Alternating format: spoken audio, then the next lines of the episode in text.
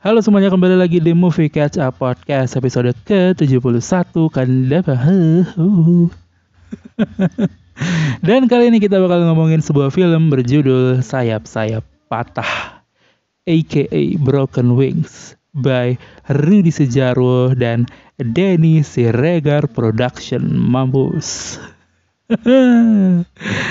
Bentar kita kecilin volumenya kayaknya terlalu besar nih teman-teman. Sebentar saya kecilin volumenya dan saya ambil minum karena jadi ini banyak sebetulnya yang bisa diceritain dari di episode ini aku mau cerita banyak hal.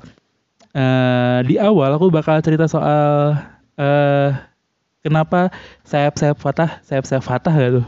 Sayap-sayap patah jadi film yang cukup spesial untukku. Kedua, aku bakal bahas uh, filmnya tentu saja dan yang ketiga isu-isu di balik film ini. Jadi untuk yang nungguin review filmnya ada untuk yang nungguin ngomongin soal keramaian filmnya ada juga jadi santai aja bro ya nggak sih bro? Nah kita langsung mulai sebentar aku nyiapin. Aduh aduh aduh aduh aduh aduh tumpah aduh aduh aduh aduh tumpah. Oke bentar. Satu dua ya satu lagi dikit lagi. Ya betul. Oke udah. Seret berhenti minum dulu nih. Bayangannya terserah minum apa di mata kalian gitu. Ya yang penting aku minum di sini. Uh, airnya bebas sih mau di kalian misalnya teh manis atau Coca Cola itu kan namanya ini ya Dream Theater.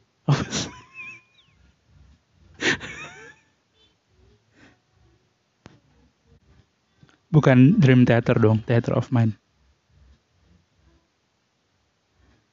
Oke, iya betul. Kenapa hening ya? Karena Oke, jadi santai aja untuk yang nungguin tiga-tiganya.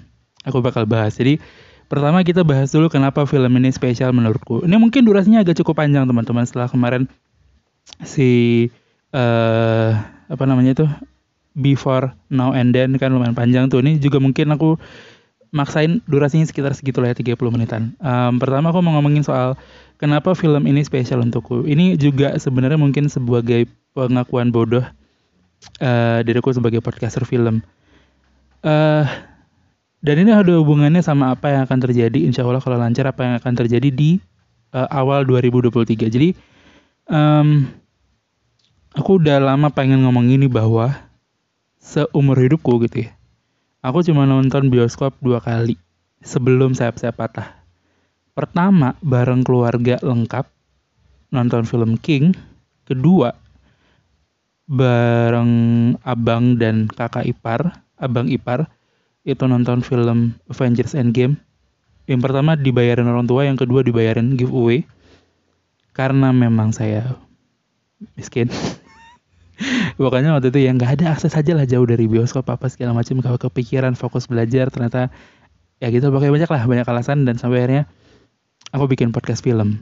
Uh, nah bagus ada iklan. Tokopedia oh nggak ada ya? Aman ya? Harusnya aman ya? Harusnya aman oke. Okay.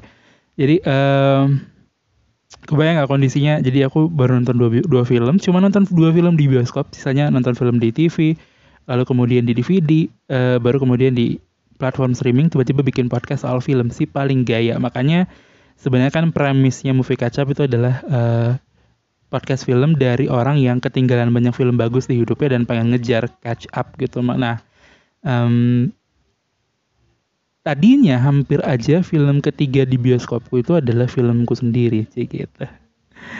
Uh, film yang aku tulis sendiri khususnya, uh, lebih spesifik ya karena uh, ini aku belum ngomongin di podcast juga sih. Aku kebetulan gabung sama beberapa teman-teman gitu ya. Waktu itu uh, diajakin untuk nulis sebuah film, uh, film panjang, feature film uh, yang akan tayang di bioskop awal 2023. Judulnya Saranjana Kota Gaib. Uh, aku udah share di story banyak hal tentang ini, mulai dari uh, castingnya, mulai dari awal rilis castnya, sampai kemudian mereka syuting. Sekarang lagi syuting by the way di Kalimantan uh, dan akan tayang 2023 nanti di bioskop. Hampir aja itu jadi film ketiga aku. Terus kemudian karena kan aku tinggal di Sibolga ya memang mana jauh sekali dari bioskop gitu. Jadi memang aku kepikiran kayaknya aku akan ke bioskop saat filmnya rilis aku ke Medan mungkin. Kemudian aku nonton filmku sendiri jadi film ketiga aku tonton di bioskop setelah King dan uh, Avengers Endgame gitu. Itu akan jadi film yang spesial. Tapi ternyata aku ada kesempatan kemarin ke Medan dan kemudian sekarang lagi masih di Medan uh, dan kemudian nonton sayap sayap patah. Jadi sayap sayap patah jadi film ketiga yang aku tonton di bioskop setelah King dan Avengers Endgame. Dan kayaknya premis bahwa film ketiga yang aku tonton itu adalah filmku sendiri akan patah lagi karena eh film keempat yang aku tonton di bioskop akan patah lagi karena aku masih cukup agak lama di Medan. Semoga aku masih bisa nonton beberapa film lagi. Jadi uh, mungkin akan ngejar banyak film Indonesia dan film luar gitu ya. Uh, jadi itu kenapa kemudian aku bisa bilang bahwa Sayap Sapatah ini jadi film spesial di satu sisi karena ini film ketiga aku tonton di bioskop. Sekaligus uh, ini jadi mematahkan bahwa film ketiga aku tonton di bioskop adalah film yang aku tulis sendiri. Enggak enggak sih yang aku tulis sama teman-temanku gitu karena ada ada banyak penulisnya. Uh, ini mau ini aja sih sebenarnya bragging aja bragging um, sebenarnya sebenarnya jadi jadi pengakuan juga bahwa aneh juga ya kalau dipikir-pikir gitu. Aku seumur hidup cuma nonton dua film di bioskop sisanya sotoy-sotoy yang nonton di streaming dan lain-lain sotoy-sotoy yang bikin podcast film tiba-tiba bikin skrip film. Aneh-aneh banget hidup ya. Kenapa sih? Sih gitu. Uh, itu bagian pertama dari podcast ini bahwa aku ini sayap sapata jadi film yang spesial dan sebenarnya agak sedih juga karena kemarin nontonnya sendirian. Uh, orang di sebelahku gitu kayak mana lagi orang di sebelahku kayak berisik gitu tau gak sih? Yang kayak ada adegan mau tembak-tembakan terus kenapa nggak ditembak? Ada ibu di belakang nyaut gitu kenapa nggak ditembak? Orang sebelahku jawab itu eh nggak bisa melanggar ham. Ih sialan. Tapi ya udahlah. Pengalaman menontonnya seru. Uh, ini jadi film ketiga yang aku tonton menyusul film-film berikutnya. Jadi selama di Medan kemungkinan aku bakal update film-film yang ada di bioskop. Nanti yang di streaming agak kita tunda-tunda dulu ya. Aku jujur belum belum nyelesain Extraordinary Attorney Woo belum nyelesai belum nonton lagi yang hilang dalam cinta episode 8 9 kalau saya atau 7 dan 8 gitu ya. Uh, belum nonton lagi drama-drama Korea lain belum nyobain series lain. Jadi memang eh enggak sih aku kemarin udah nyelesain suka duka berduka tapi nanti mungkin akan jadi bahasan berbeda.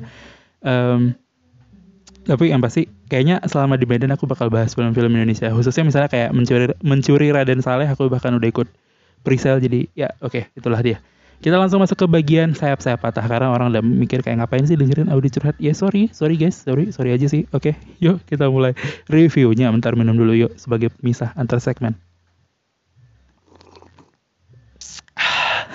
ngapain sih digituin Audi? Iya biar mendebak-nebak aja. Saya minum apa coba tebak. Oke, okay, uh, eh, sayap-sayap patah. Sayap-sayap patah ini adalah film Produksiannya benar-benar adalah Dani Siregar Production. Um, sutradara oleh Mas atau Bang atau Pak Rudi Sujaro. Ditulis oleh Pak Monti Tiwa dan mungkin ini saudaranya Erik Tiwa. Lalu penulisnya juga ada Alim Sudio. Um, produsernya ada Dani Siregar, Osun Bonavans dan lain-lain. Uh, sinematografinya Arfian dan lain-lain. Ada ini castnya ada banyak sih sebetulnya nih yang yang kayaknya seru-seru. Ada Poppy Sofia ada tentu saja ada Nikola Saputra dan Ariel Tatum. Ada Iwake Iwake gokil sih. Ada Aryo Wahab ada Revaldo. Eh bentar deh. Kenapa nggak ada ya bapak-bapak itu ya? Siapa sih namanya tuh bapak itu aduh lupa lagi. Siapa sih yang yang jadi yang jadi ini loh yang jadi coba kita cek ya di letterbox nggak ada guys. Sebentar kita coba cek ya sambil cek ya di Wikipedia ada satu karakter yang seru loh. Sebentar. Ini by the way kalau ada background background tipis di belakang ada nyanyi nyanyi nggak apa-apa ya. Soalnya aku maksain rekaman di saat orang-orang lagi lumayan ada kayak semacam parce-parce jadi apa apa ya. Di tetangga sih bukan di rumahku oke ntar sabar aku penasaran soalnya itu siapa ya kayaknya ya Ntar, coba kita cek. Sebagai leong. Oh, Nugi. Ya betul Nugi. Iya nggak sih? Iya kayaknya deh. Um, lalu production house-nya itu gak sebenarnya kolaborasi antara Maxima Pictures um, terus rilisnya 18 Agustus kemarin baru aja sih sebetulnya ini aku rekaman di tanggal 21 ya. Iya. Um, Bentar, ini aku rekaman tanggal 21 terus ada Aden Bajai, ada Volan, ada yang lain-lain bentar ya kita coba lihat ya. Ini di um, sebentar, bentar, bentar, bentar, bentar, bentar. Uh, ada nggak ya info-info menarik? Oke. Okay. Uh, ini sinopsis kita ke sinopsis deh kita ke sinopsis. Mungkin penasaran ini apa sih kenapa sih ramai banget sih film ini? Sinopsisnya film ini menceritakan tentang Aji yang diperankan oleh Nicholas Saputra dan Nani yang diperankan oleh Harold Tatum. Ini sepasang suami istri yang baru baru uh, menjalin kehidupan rumah tangga dan Naninya uh, lagi hamil. Hamil lumayan besar gitu ya sudah menuju ke kehamil ke, ke melahirkan gitu ya kalau nggak salah. Kalau nggak salah di awal film antara bulan ketujuh gitu kayaknya uh, kehamilannya Harold Tatum terus kemudian uh, seiring waktu berjalan mereka uh, mulai mengalami gonjang-ganjing karena Aji uh, yang bertugas sebagai seorang anggota Densus 88 ini nggak bisa selalu menemani Nani di setiap kondisi gitu. Nggak bisa jadi um, suami siaga gitu. Karena dia ke pekerjaannya mendadak dan lain-lain. Harus selalu siaga saat dibutuhkan dan lain-lain lah gitu ya pokoknya. Um, itu singkatnya Aji. Nih kenapa sinopsisnya ini uh, pokoknya singkat cerita kita mengikuti kehidupannya Aji sebagai Densus 88 dan seba karena aku nggak pengen banyak bocorin adegannya nanti takut nanti takutnya spoiler. Jadi uh, kita ngikutin kehidupannya Aji dan timnya uh, dalam membongkar banyak kasus uh, terorisme dan uh, main plotnya atau atau kue utamanya itu adalah uh, ada ledakan di Makobrimob yang terjadi pada tahun 2018 waktu itu yang meninggalkan eh, yang waktu itu eh, menyisakan lima orang korban meninggal korban dunia eh, korban meninggal dunia. Um, kalau nggak salah polisi semua dan kemudian ada mereka kayak tau gak sih ingat gak kasusnya di mana kayak polisi kemudian disandra dan lain-lain. Lah itu kan kasus besar terorisme kan. Um, itu itu main plotnya tapi sisanya ini kita dibawa jadi kayak kayak ini sih. Mungkin mungkin bukan based on true story tapi based on true events gitu. Jadi ini ada event benarnya terus mereka kayak ngambil satu sudut pandang Aji dan Nina. Um, Aji dan Nani sorry Aji dan Nani uh, itu jadi jadi penggerak plotnya gitu kisah mereka ini. Bahwa Aji selalu dalam kebingungan, dia mesti menjaga mood istrinya dan lain-lain, tapi di satu sisi istrinya juga mulai bingung nih. Pekerjaan suaminya mulai berbahaya, mulai banyak yang uh, mengancam di satu sisi dan suaminya mulai nggak ada waktu buat dia gitu. Um, ini ini yang jadi plot utama dari si sayap-sayap patah. Apalagi yang bisa diinformasikan yang nggak spoiler ya. Sebetulnya ini mungkin kita masuk langsung ke impresi awal aja gitu. Aku uh, sebetulnya udah sangat-sangat menunggu film ini karena aku dapat banyak bocoran bahwa filmnya bagus. Uh, waktu itu udah dapat banyak bocoran dari teman-teman yang ada dapat early screening dan lain-lain uh, bagus dan lain-lain. Tapi di satu sisi filmnya juga punya kesan negatif karena waktu itu diramein bahwa filmnya dibuat diproduksi oleh Mas Denny Siregar gitu. Nanti kita cerita soal itu di belakang. Tapi aku sih udah dapat impresi bahwa filmnya bagus gitu ya. Uh, terus Makanya tanggal 18 ketika filmnya rilis aku langsung nonton tuh dan memuaskan memang sebentar. Sebentar ada telepon masuk. Bentar ya. Ini kan sebenarnya nggak nggak boleh ya mengganggu proses rekaman tapi yang telepon mama aku gimana dong? Bentar aku WhatsApp dulu ya. Mak lagi rekaman gitu ya. Coba bentar ya. Sabar dong bentar. Ah? bentar.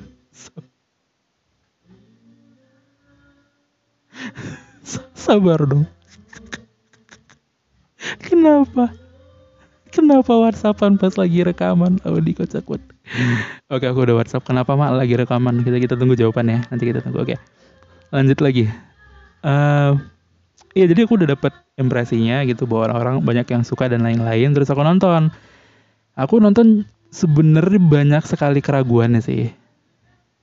Eh, bentar. Oh, suruh jalan guys.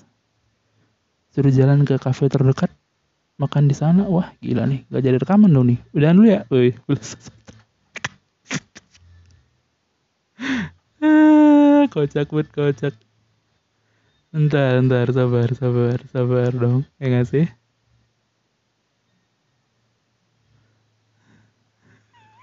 Kenapa whatsappan pas rekaman sih? Kocak banget? Eh, uh, bentar ya oke bentar mak. Rekaman dulu ya si gitu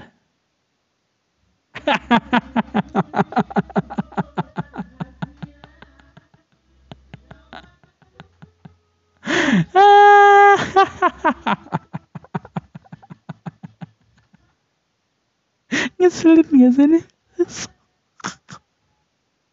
Oke lanjut nggak apa-apa lah ya namanya juga liburan guys dan juga rekamannya kan di tengah liburan. Wajar dong ada eh, gangguan-gangguan dikit. Oke. Okay. Aduh banget dah kocak. Oke okay, jadi uh, gitu ya tadi. Pengen cepet nutup kocak buat rekamannya. Ya jadi aku udah dapet gambaran eh, nggak uh, tenang aja aku nggak terburu-buru pengen cepet selesai pengen pergi nggak sih santai aja sih.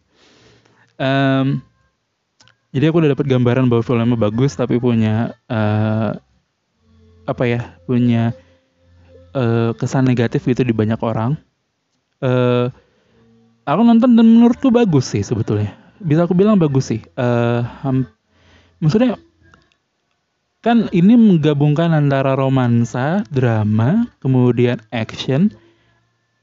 Tiga tiga ini ya tiga anggaplah kita satukan romansa jadi drama gitu ya. Misal drama uh, terus kemudian action dan um, mungkin bukan thriller sih ya tapi iya drama action dan komedi juga dapat gitu. Maksudnya hampir setiap komedinya dapat uh, actionnya juga dapat. Uh, dramanya sebetulnya dramanya aku nggak bisa sebanyak yang nangis gitu ya. Tapi aku sih sebetulnya nggak nangis sih. Dra drama antara nih Niji. Drama antara uh, Nani dan Aji ini menurutku uh, aku nggak bisa terlalu relate di awal tapi di akhir aku bisa nangis sih. Aku nangis sih di akhir. Um, dan sebenarnya secara keseluruhan bagus gitu tapi sepanjang film aku nggak bisa bohong bahwa aku mempertanyakan banyak hal gitu. Um, tapi bagus gitu. Kalau kalau movie kacap kan selalu nge-review tiga itu ya uh, kualitas acting bagus semua aku nggak bisa nemuin yang terlalu janggal. Ada sih Poppy Sofia menurutku agak janggal ekspresi-ekspresinya gitu ya. Aku nggak bisa dapetin Poppy Sofia. Tapi uh, pemeran utama Aji dan Niko ya Aji dan Nani uh, Nikola Saputra dan Ariel Tatum bagus chemistry-nya oke. Okay. terus kemudian komandan-komandan kepolisiannya Aryo Wahab dan Nugi bagus. Iwake sebagai pemimpin gembong teroris itu ya bagus uh, menyampaikannya kemudian uh, emosi-emosi dapat bahkan peran seperti Aden Bajai juga bagus uh, dan yang lain juga ada satu ada satu pemeran uh, di penjara juga bagus tuh teroris yang nyepuin gitu ya bagus. Secara kualitas acting pemerannya sih nggak usah diragukan bagus-bagus semua gitu ya maksudnya nggak ada yang terlalu aneh kecuali tadi Poppy Sofia gitu ya. Um, karena kayaknya dipaksakan sekali untuk jadi kita tahu sih Poppy Sofia tomboy tapi ketika di film ini tuh jadi kayak agak aneh sih agak agak terlalu apa ya kalau kata orang buatan gitu seakan-akan uh, menurutku gitu ya. Terus kalau movie kaca selalu ngomongin karakter dan kemudian misalnya uh, cerita jalan cerita juga menurutku bagus uh, kita ditahan jadi walaupun konflik utamanya itu adalah uh, keramaian di Makobrimob tahun 2015 itu gitu ya plot utamanya tapi sebenarnya kita udah dibawa dari depan ini nih untuk untuk bisa uh, into karakter untuk bisa into ke setiap orang gitu setiap sudut pandang tuh kita bisa akhirnya dapetin. Uh, aku sempat di awal mikir kayak ini kalau kita langsung ke the moment 2018 itu ini kita nggak bisa nih nerima ini karena kita nggak bisa relate nggak bisa ngerasa relate ke setiap karakter yang ada gitu. Tapi ternyata benar ternyata uh, penulisnya jauh lebih pintar dari saya itu sudah pasti ya. Ternyata uh, mereka eh, bentar. Ya ternyata ya benar gitu penggam, peng, pengambilan uh, plot-plot demi plotnya di awal kita dikasih apa yang mereka lakukan bagaimana perjuangan mereka sebagai Densus 88 bagaimana orang-orang uh, teroris ini bergerak satu sama lain dan lain-lain gitu ya. Ada perpindahan-perpindahan ada uh, apa namanya tuh kalau uh, brainwash gitu yang yang dilakukan dan lain-lain lah gitu ya. Um, itu semua benar meng meng mengantar kita ke sebuah plot besar di akhir film. Aku tadi mikirnya plotnya akan muncul di tengah, tapi ternyata enggak. Plotnya muncul di akhir dan perfect sebagai sebuah plot. Tapi tentu ada kekurangan ketika nanti kita masuk ke detail yang aku akan cerita di agak akhir nanti ya gitu ya. Uh, ketiga, movie kaca selalu ngebahas dari karakter, lalu plot dan ketiga itu kita ngomongin soal uh, apa namanya tadi guys? Uh, ntar minum dulu.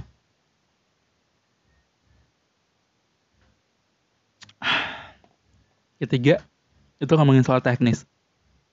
Teknisnya juga menurutku bagus sih. Um, aku suka color gradingnya khususnya ketika adegan Nani dan Aji itu selalu eh, gak kuning sih orange mungkin bisa dibilang ya agak lucu sih. Color gradingnya kayak orange dan dan seru gitu. Uh, tapi dalam. Terus kayaknya ya ini aku kalau aku kalau aku nggak salah aku lupa lagi nanya nanyain mastiin ke temanku juga yang nonton.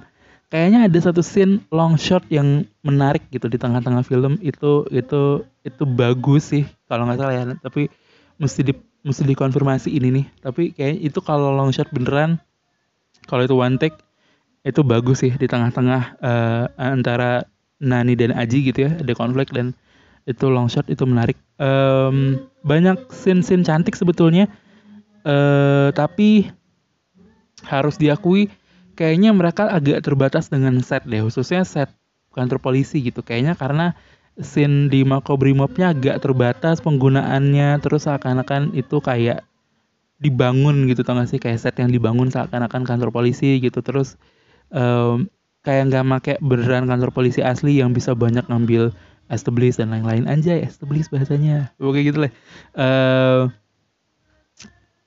Um, iya agak ada keterbatasan agak ada keterbatasan di lokasi mungkin ya gitu ya. Uh, terus apa lagi ngomongin soal uh, saya patah secara teknis just, udah menarik sebenarnya komedinya masuk sih. Komedi-komedi kepolisian itu ya. Aku nggak tahu nih apakah ada apakah ada konsultan komedinya atau enggak tapi komedi komedinya juga oke. Okay. terus apalagi ya musik musik bagus di akhir tapi aku agak kesel sama bioskopnya gitu. Kayaknya aku tuh lagi nangis karena denger musiknya terus karena denger karena ngelihat adegannya terus tiba-tiba lampunya dinyalain terus orang-orang pada pada jalan. Aku kayak anjir lah aku masih mau menikmati minimal 1-2 menit lagi gitu dengan kondisi lampu mati dan kemudian itu pelan-pelan si apa namanya tuh si yang itulah uh, title-nya itu naik gitu. Aku masih pengen menikmati itu tapi udah cepet-cepet di snap. Lampu nyala orang-orang udah pada beres-beres. Tuh kayak anjir kesel. Masih masih pengen nangis lebih dalam gitu.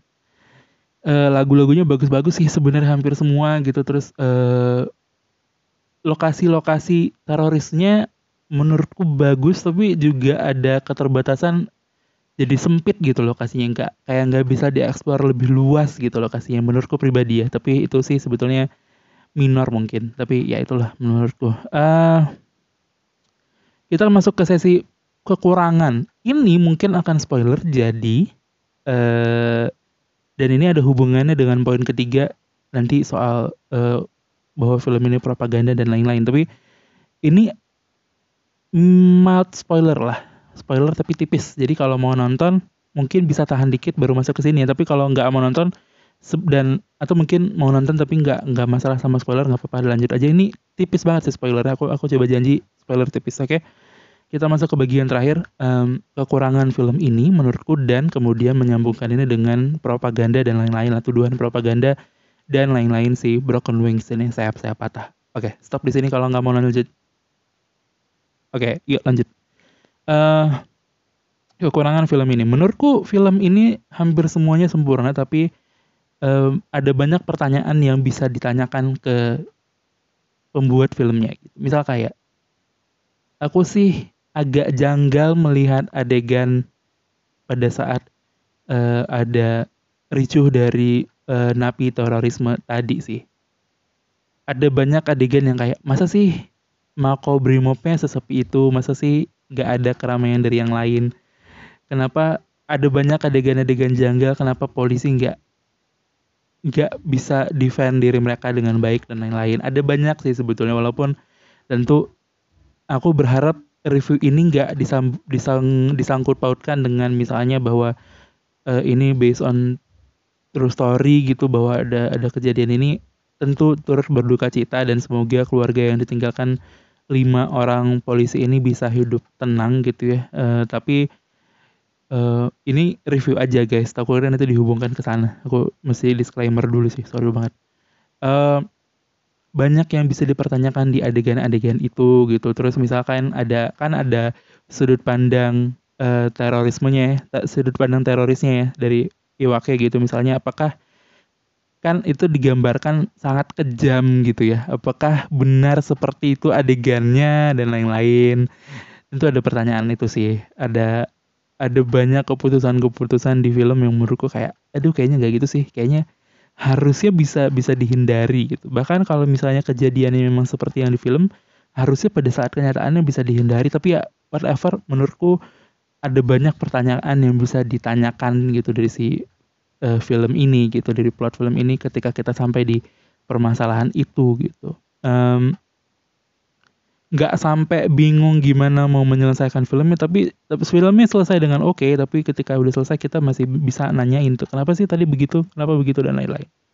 Um, lalu kita ngomongin soal propaganda dan lain-lain tuduhan propaganda. Ada banyak sekali tuduhan ke film ini. Pertama tuduhan bahwa ini propaganda menurutku bisa iya bisa tidak uh, karena memang dalam film ini digambarkan bahwa film ini tuh nggak menggambarkan yang gimana-gimana cuma menggambarkan bahwa ini pekerjaan polisi mereka tuh uh, eh bentar mereka tuh uh, mengerjakan ini mereka menangkap ini mereka punya keluarga mereka punya uh, istri anak yang ditinggalkan dan lain-lain gitu. Hanya hanya itu aja sih yang sebenarnya pengen disampaikan gitu. Tapi Apakah itu bisa disebut sebagai propaganda? Iya, tapi menurutku kalau kita sandingkan dengan G30 SPKI, menurutku agak berlebihan karena setauku pada saat G30 SPKI itu kan orang dipaksa untuk nonton. Ya ini kan sebetulnya bebas aja ya kayak feature film biasa aja.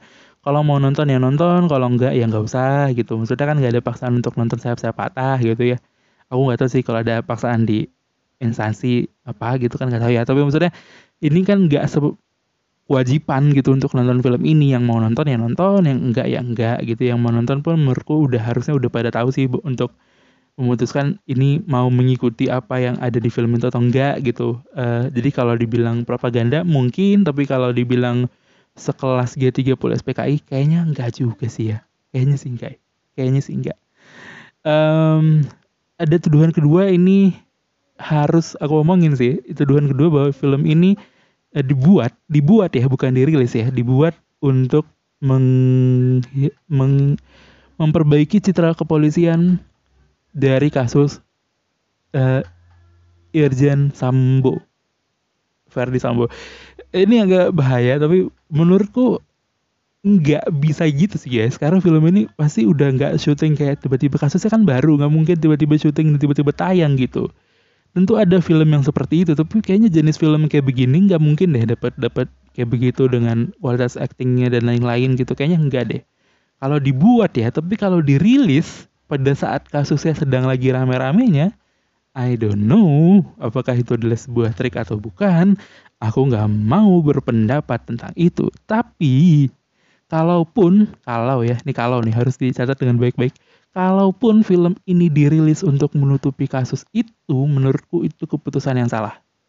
Karena orang lagi males-malesnya dalam tanda kutip sama bapak-bapak polisi oknum-oknum tadi dihadirkan kasus ini nggak kemakan guys beneran deh.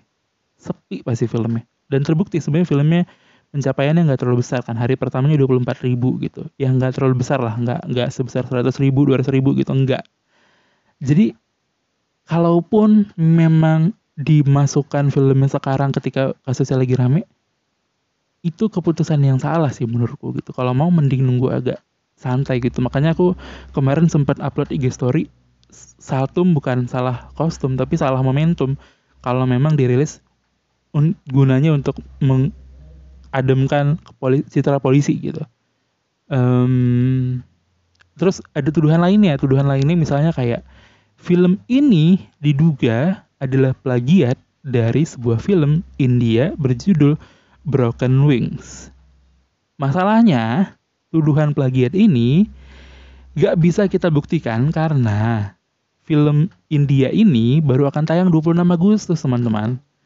Gimana? Gimana caranya kita menyimpulkan bahwa ini plagiat dari film yang akan tayang 26 Agustus ketika film Sayap-Sayap Patah tayang duluan? Bahwa judulnya Sayap-Sayap Patah dan Broken Wings Mungkin, tapi aku nggak tahu ya. Gimana Karena gini, ini ini aku tadi nyoba nyari sinopsis Broken Wings versi India. Ini apa sih sebetulnya? Karena sinopsisnya sebetulnya agak mirip kan sebetulnya sayap-sayap patah itu menggambarkan bahwa ini mereka sebagai penjaga guardian angel sayap-sayap patah karena gugur di pertempuran. Gitu ya. Aku lihat sinopsisnya Broken Wings di India. Agak mirip tapi sebetulnya agak jauh juga sih karena uh, ada ada satu kejadian besar juga di India. Kejadian ini melibatkan lebih banyak orang dan lain-lain. Terus ya ada pasukan yang berjuang kalau nggak salah gitu. Terus ya gugur juga broken wing sayap-sayap patah. Tapi jujur-jujuran ide film seperti ini banyak sih guys. Maksudnya idenya nggak se-original itu juga kalau kita bilang bahwa yang produksi duluan si India gitu. Ya Enggak sih, nggak tahu ya. Tapi menurutku sih agak jauh gitu. Apalagi filmnya juga belum tayang. Kecuali film India Broken Wings ini udah tayang dari lama gitu. Terus filmnya memang besar di India misalnya. Terus ya nggak tahu ya. Tapi maksudnya itu hanya pendapatku semata aja sih. Uh, apalagi tuduhannya ya. Kayaknya udah sih. Ya bahwa banyak yang nonton film ini nge-review dan dituduh buzzer RP ya gimana ya kita cuma mau untuk konten aja guys supaya konten kita rame guys Udah itu aja reviewnya. Aku mau berangkat ke temu keluarga. Aku mau makan malam. Be, be, be, be, be. Siapa yang gak makan malam sama keluarga setahun terakhir? Be, Kenapa ngejakin pelan pendengar ya? Uh, udah itu aja kesimpulannya filmnya bagus tapi salah momentum.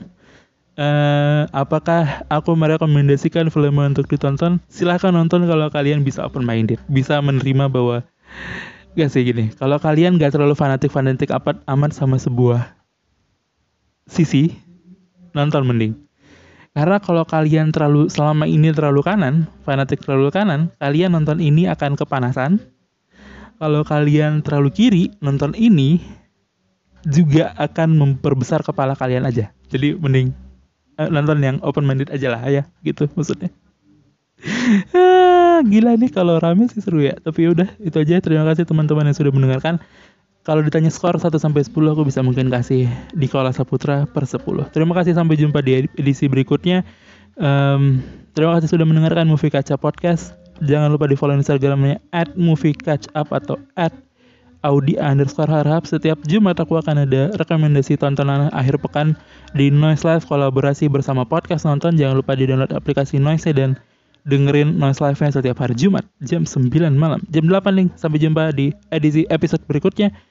Uh, aku bakal bahas mencuri mencuri Raden Saleh mungkin. Uh, terima kasih sampai jumpa. Dadah. Bye. Kasih musik ke Mark dulu. Mantap. Terima kasih sampai jumpa. Dadah.